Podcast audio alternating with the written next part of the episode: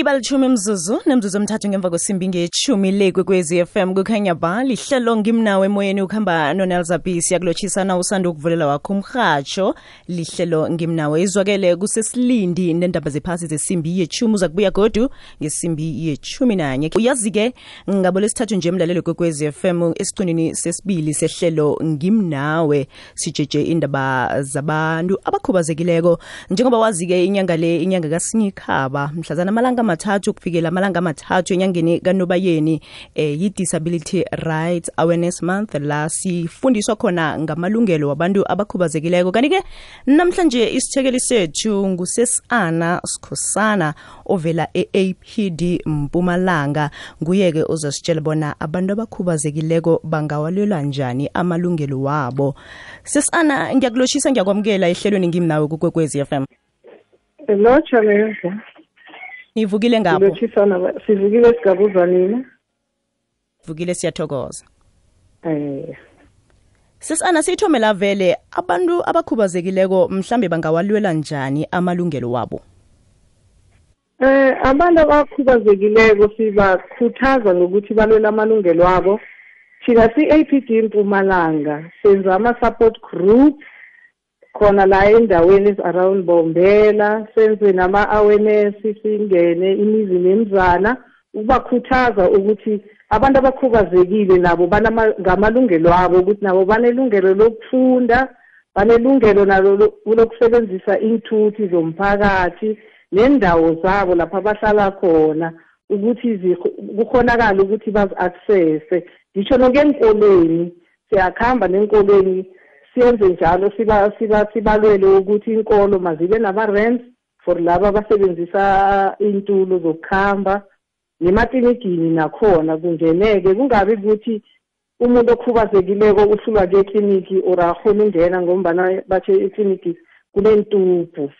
nje nokubapha ilwazi ngokukhubazeka ukuthi ukukhubazeka nje umuntu okhubazekile siyawenza ama-awareness ngokukhubazeka okuhlukahlukene and siba-advocatela nangokuthi si-a p d mpumalanga sibatholela imisebenzi sineproject yokuthi sibatholela imisebenzi abantu abakhubazekileko and ngikhuluma nje la ekhaya sinelo iproject yokuthunga lapha sibafundisa khona abantu abakhubazekileko abahlala khona la endaweni emagegana nembombela ukuthunga njenganje ngikhuluma nje bangeklasini i-ten yabafundi bayafunda sibakhuthaza khona ukuthi mabangahlali ekhaya bazijamele nabo njengawo woke umuntu ukhulumisa ukuthi ba, ukuze bafinyelele kini nenzani nine support group niya niyabalandelela labakhona namtshana kunendlela labanganifumana khona sinendlela labangasifumana khona mara ukuthi basazi senza sure ukuthi nathi siyazazisa kibo ngombana abanye bavalelwe ngezindlini so senza njalo ukuthi siyangena senza ama-door to door awareness campaign ukuzazisa ukuthi thina siyi-a p d sisendaweni enje sihelebha so so so ngoba abanye thola umuntu ukhubazekile akanayo ne-wheelchair nalapho siyangena ngama-wheelchair um ukuthi simsize simlo kanjele sim-aplayele i-wheelchair ukuthi naye akhona ukuhamba aye noma kuphi njengabanye abantu nayithoma nini into le eh sisana mhlambe ke ukufikela gadesi unjani umehluko umehluko esesiwenzile wona sewumkhulu unezabi kangangokuthi njengoba sibheza e, embombela la siyakhona ukuthi njengoba sivela emhathweni senza nama-awareness uthola sithintwa naba bantu abakude nabaseduze so kutsho khona ukuthi umlayezo uyafinyelela ebantwini sithi sibala abantu abakhubazekileko njalo sesiana ni-advocate la nabentwana abakhubazekileko um sibala abantu abadala nabentwana ngoba ngikhuluma nje kunama-center esiwakhambelako ngaba ma-stimulation center wabantwana abancane noma ama-protective workshop esiwamonitharako sikhamba nakhona sitraina ngisho nama-caregiver laba ababathogomelako ukuthi umuntu okhubazekile uphathwa njani mhlambe ke eh thina abantu umlaleli olalele ngalesi sikhathi singawahlonipha njani amalungelo womuntu okhubazekileko begodu ke singabasekela njani thina abantu ithoma kithi vele ukuthi fanele kube ngithi ngoba umuntu okhubazekile akahlali yedwa fanele kuthome thina la ngendlini simreni singambandlululi asithi nasithi semnyanyeni naye asikhambe naye umuntu okhubazekileko ukuthi naye azibone afana nawo woke umuntu manje siba nenkinga ukuthi lapho okhunye nasikhambela ngemakhaya sithola ukuthi bona bayachiywa uthola umuntu achiywe njengokasu bese lokho kusiphatha kumbi sifuna ukukhuthaza nabo imndeni le sikhambe sibenzela nabo ama-workshop ukuthi sibafundise ukuthi umuntu okhubazekileko asithi akusimhlolo ukuthi umuntu ukhubazekile fanele nabo bamamukele and bamsekele sifundisa nangalokho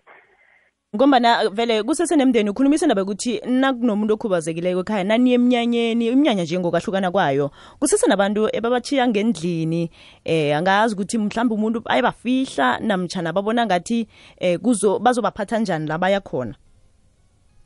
vane kukuthoga ilwazi esesilelva ngikho si-advocatela khona lokho ukuthi nabo abantu bafundiseke yona mndeni le abantwana abahlala nabo noma ngabe umuntu omdala noma mntwana okhubazekileko ukuthi umntwana okhubazekile makangafiswa abamthathe bamuse ema-stimulation center ama-center akhona zonke indawo bamuse ahlanganyele nabanye abantwana ngoba nakho lokho umntwana okhubazekile ukumusa e-stimulation center athole abanye abangani bakhe abakhubazekile nakho lokho umntwana kuyamstimulate la uyakhona ukubona ukuthi wo nangomunye wenza so uyazama ukukhasa umntwana uyazifunda nje ama-basic skill ukuthi ama-life skill uthole umntwana kade angakwazi ukusihlambisa amazinyo mara ngoba usecenter ubona abanye bayenza naye lokho kuyamkhuthaza ukuthi naye agcine umntwana into ezinye nokuziyela endlini encane umntwana naye sekagcina atsho athi ifuna ukuya endlini encane ngoba ekhaya umntwana nakhubazekile asinikhulumisi nokumkhulumisa ukuthi naye umntwana uza kufunda kuphi ukukhuluma nangabe vele yoke into nje simane siyenza singamfundisi so lapha nakaye emasense ahlanganyela nabanye abantwana uyakhona umntwana ukuthi naye nomkhumbulweni ahlathuluke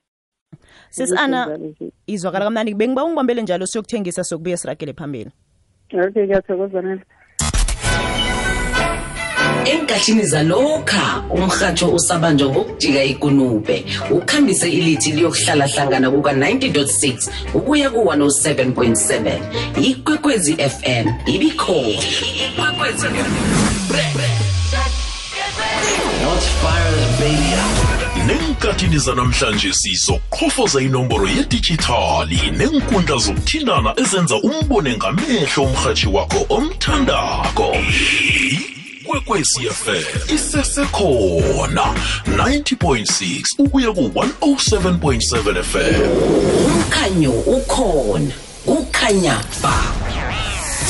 landela ikwekwezi fm enkundleni zokuthintana ukubana ikwazi ikulandele nawe instagram at ikwekwezi fm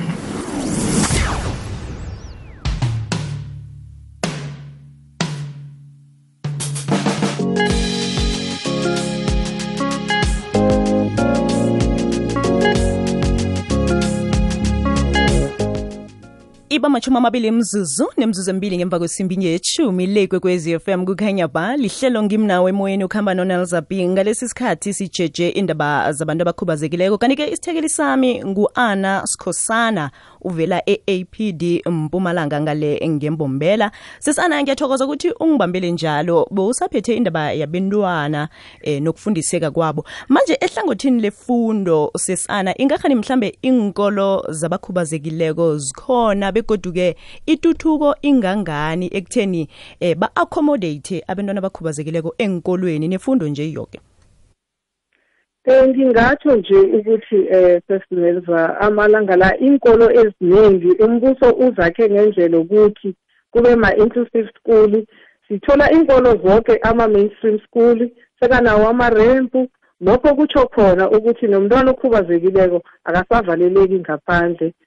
noma ngabe asebenzisa i-wheelchair naye unelungelo lokufunda ukuba accessible uyakhona ukungena naye eklasini akusabi i-challenge engalokhu ukuthi umntwana nakuthiwa ukuhamba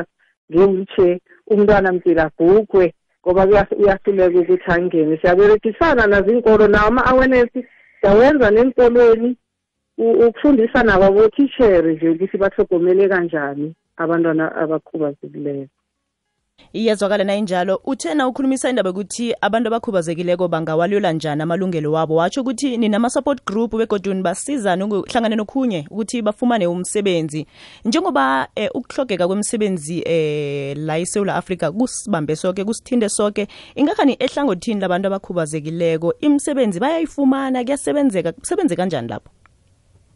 Eh njengoba ngitsho ngithi sisebenzisana nenkampani ehlukahlukeneko